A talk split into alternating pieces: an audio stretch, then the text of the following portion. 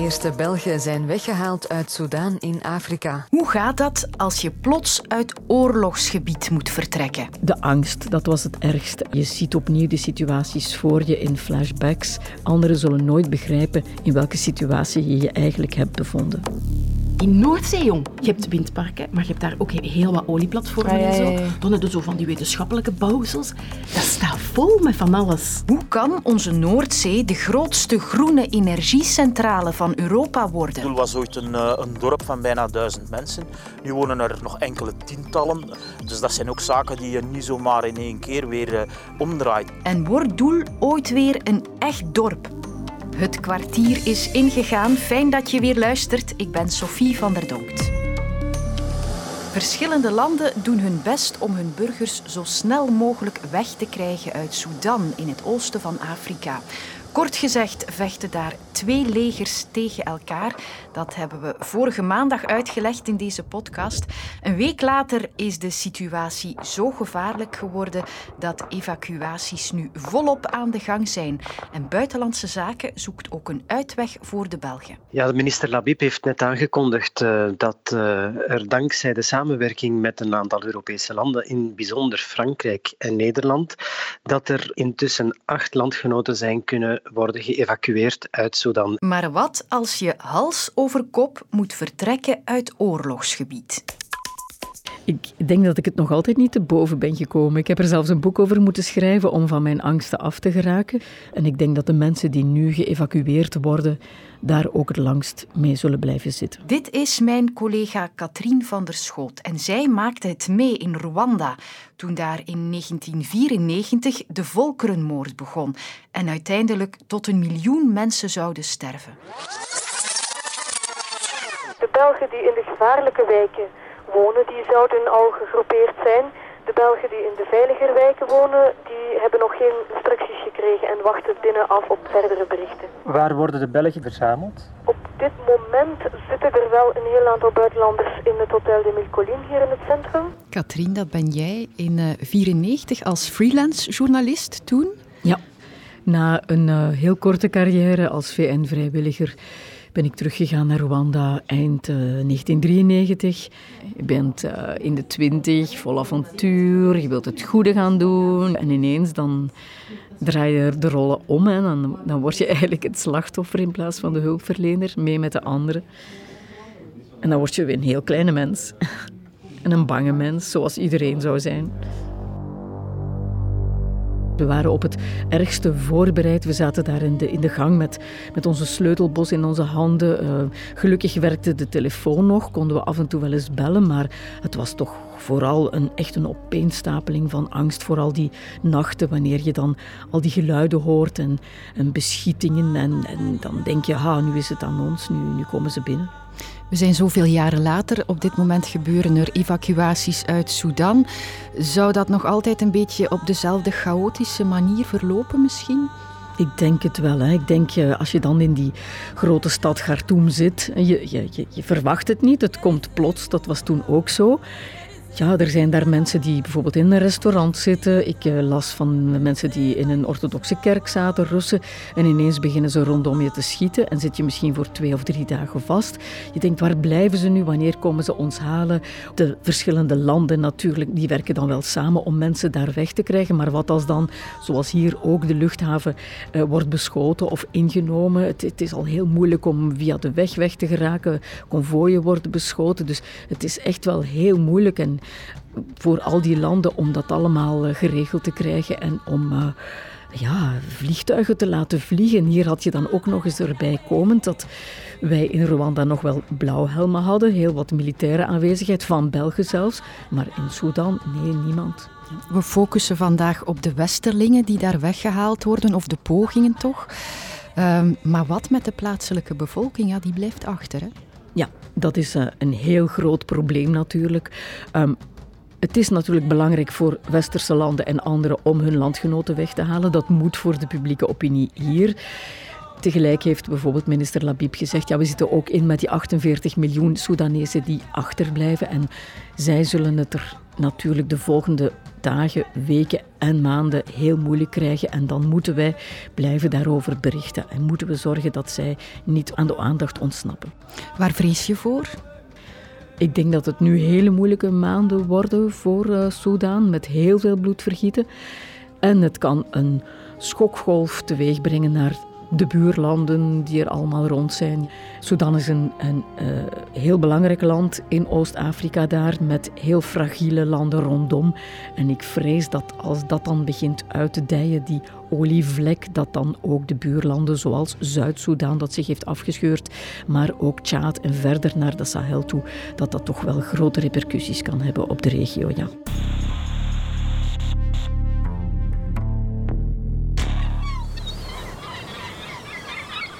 De zeelucht wilde opsnuiven in Oostende vandaag, moest de confrontatie aangaan met guur weer. Maar je kon ook de Franse president Macron tegenkomen, die wie weet een garnaalkroket aan het degusteren was. Want vandaag vindt er een Noordzeetop plaats in Oostende. Negen Europese leiders kwamen allemaal naar de koningin der badsteden. En op het internationale menu staat toch vooral windenergie. Mama, uh, ik ben hier bij de radio uh, in dingen in gesprek nu. Ze zijn iets aan het opnemen. Even, ja. Luc Pauwels, de energiespecialist van onze redactie, praat me bij. En mijn eerste vraag is: waarom zitten al die leiders vandaag samen? Wel, onze premier zegt dat we weg moeten van de ronkende verklaringen, geen aankondigingspolitiek meer, maar echt de hand aan de ploeg slaan om de verschillende offshore windmolenparken van maar liefst negen landen, om die eigenlijk beter op elkaar af te stemmen en te verbinden. Zodanig dat we eigenlijk van de Noordzee de grootste energiecentrale van Europa kunnen maken. En dan nog een groene centrale ook, die draait op wind natuurlijk. Je ziet wel dat het heel snel gaat, hè? dat er toch wel druk op zit om dat te ontwikkelen.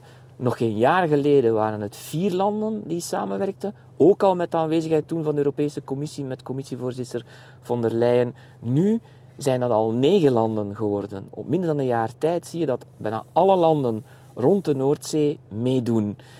En dat wijst er toch op dat men daar echt wel wil vooruit gaan in Europa om ons ook onafhankelijker te maken van fossiele brandstoffen uit het buitenland. En natuurlijk ook geopolitiek. Uh, landen die niet zo betrouwbaar zijn, die ons dat leveren, zoals de Russen, om daar heel snel vanaf te geraken met hernieuwbare energie. Vraag 2.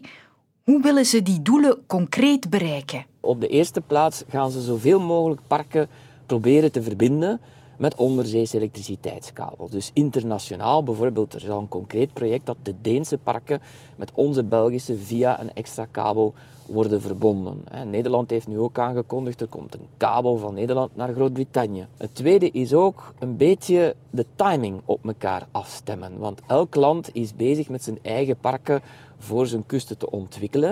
En dan heb je soms jaren dat er totaal geen parken worden gebouwd en dat er ineens drie of vier worden gebouwd, omdat men dat gewoon niet goed onderling coördineert. Dan krijg je tijdens die jaren met veel bouwactiviteiten krapte en dan andere jaren ligt het gewoon stil. En er is er nog een aspectje, men wil ook eigenlijk de bouw van die windmolenparken standaardiseren. Want wat is er nu aan de hand? Die windmolens die worden bijna om de twee of drie jaar al maar groter. Ze gaan nu zo groot bijna worden als de Eiffeltoren in Parijs. En je hebt werkschepen nodig om die windmolens op zee te trekken. Maar als die stukken, die windmolens, telkens groter worden, dan moeten ook die schepen aangepast worden of moeten er zelfs nieuwe worden gebouwd. En als je om de twee of drie jaar zo'n investeringen moet doen, ja, dan zie je dat de kosten ook stijgen. Dus daar wil men ook wel eens gaan kijken hoe kunnen we dat beter op elkaar afstemmen. En nummer drie, wat zijn de grootste uitdagingen en risico's? Je moet natuurlijk al zorgen dat die kabels per ongeluk niet worden meegetrokken door sleepnetten van uh, vissersboten. Dat men al zeer goed weet waar die ligt. En bijvoorbeeld onze economische zone op zee, die zit al eivol. Hè. Daar zijn scheepvaartroutes die er doorkomen. Er zijn ook zandwinningsgebieden. Er zijn beschermde natuurgebieden. Je hebt dan andere kabels die daar liggen. Datakabels, maar ook de gaspijpleidingen. En dat moet allemaal goed op elkaar afgestemd worden. Iedereen moet goed weten waar die liggen, zodat we geen ongelukken krijgen. En natuurlijk ook zodat er geen sabotage komt. Hè. Uh, we hebben bijvoorbeeld vastgesteld dat er een Russisch onderzoeksschip zogenaamd is, dat heel veel interesse heeft voor onze Noordzee. Men denkt dat dat eerder gaat over de kabels en infrastructuur dan over de vispopulatie die daar zit. Hè. En ook vissersboten, er zijn Russische vissersboten gesignaleerd die opvallend veel die kabels hebben gekruist. Dus kwetsbaar, mogelijke sabotage. En daar is een zeer grote bezorgdheid over dat we die, onze toekomstig grootste energiecentrale van Europa, toch wel zeer goed beschermen tegen sabotage en aanvallen van buitenuit.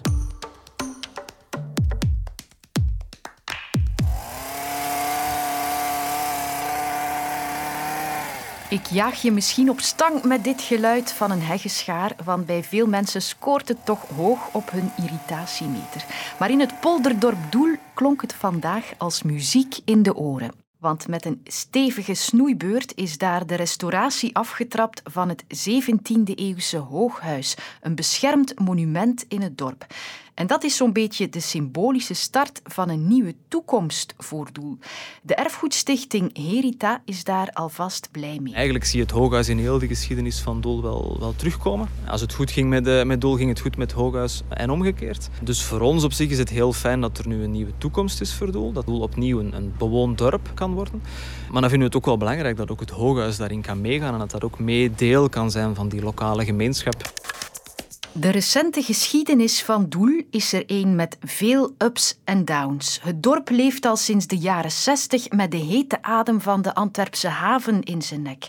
En de slinger ging al enkele keren heen en weer tussen opdoeken en blijven bestaan, tussen hoop en berusting. De hele ellende is begonnen in 1965. Toen werd aangekondigd dat de ganse omgeving van Doel binnen de haven- en industriezone zou vallen. Deze dagen is Doel een dorp waar 1300 onzekere mensen leven. Wij zijn gedoemd te wachten en het er het beste van te maken, ja. En al zeven jaar lang wachten de mensen van Doel op een beslissing. Te wachten, te sterven, waar we zitten. De Vlaamse regering kan de leefbaarheid van het dorp Doel zelf niet garanderen. Dat doet mij hartzeer. Dat doet mij hartzeer. Ja. Die sfeer in de café, daar, daar zijn kwijt. En als je op een ander moet beginnen, dat zijn allemaal vreemde mensen. Uh, je kent er misschien wel een deel van, maar, maar dat is toch niet zo gelijk op een gemeente gelijk hier. Na bijna 20 jaar leegstand zijn veel gebouwen een pijnlijke toeristische attractie geworden. Het voelt echt heel, heel raar aan om die huizen te zien. De tuinen zijn verwilderd, sommige huizen zien er ook echt, echt, echt slecht uit. Al bijna twee jaar is beslist dat Doel dan toch niet moet verdwijnen voor een nieuw havendok. Doel is een dorp met enorm veel potentie. Er is ook enorm veel uh, interesse. Mensen die daar willen komen wonen. We moeten nu echt eens gaan uitmaken waar we naartoe willen en dat ook beginnen uitvoeren. Maar dat lijkt nu wel uitgemaakt. Doel verdwijnt niet. Meer zelfs, het kan volgens de Vlaamse regering opnieuw een toekomst krijgen. Maar welke toekomst is dat dan? Hoe reanimeer je zo'n spookdorp? En kan Doel ooit weer een echt dorp worden? Ja, ik denk dat dat uh, zeker en vast kan. Uh, die plek heeft nog altijd alle potentie om dat uh, te kunnen waarmaken. Hè. Aan deze man hoefde ik dat geen twee keer te vragen. Jan Kreven van de actiegroep Doel 2020. Hij schetst voor mij een toekomstbeeld van het polderdorp spookdorp is niet het juiste woord, hè, want er hebben altijd mensen blijven wonen. En er is ook uh, nog altijd horeca, er is een gemeenschapshuis, uh, er zijn nog altijd verschillende zelfstandigen actief. Maar er is natuurlijk heel veel zichtbare schade. Dus als rechtstreeks gevolg van die bewuste politiek van, van verwaarlozing en uh, verloedering. Ik denk dat Doel zeker en vast een plaats is waar opnieuw kan gewoond worden, zoals dat vroeger het geval was. Er is wel degelijk nog altijd openbaar vervoer, zij dat het beperkt is. Er zijn dus maar twee ritten per dag. Maar wat er natuurlijk bij komt, dat is dat de verbinding over de Schelde wordt hersteld. Hè, via de waterbus of via een veer. Dus uh, dat dorp dat zal alleen maar verder ontsloten worden in de nabije toekomst. Ik denk uh, dat het grootste probleem momenteel vooral de, de koudwatervrees is van nogal wat overheden. Die hebben dus gedurende 25 jaar alles in het werk gesteld om dat dorp van de kaart te vegen.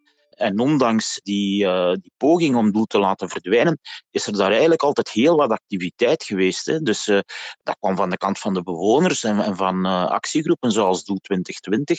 Daar vonden tal van culturele activiteiten plaats. Daar vindt ook nog jaarlijks de Scheldewijdingplaats, hè, waar, waar 20, 30.000 mensen op afkomen, dat is er allemaal wel. Er is daar een stuk uh, sociale cohesie. Dus uh, het is ook niet zo dat dat een uh, complete plek verschroeide aarde is, waar dus niets meer bestaat. Hè. Integendeel.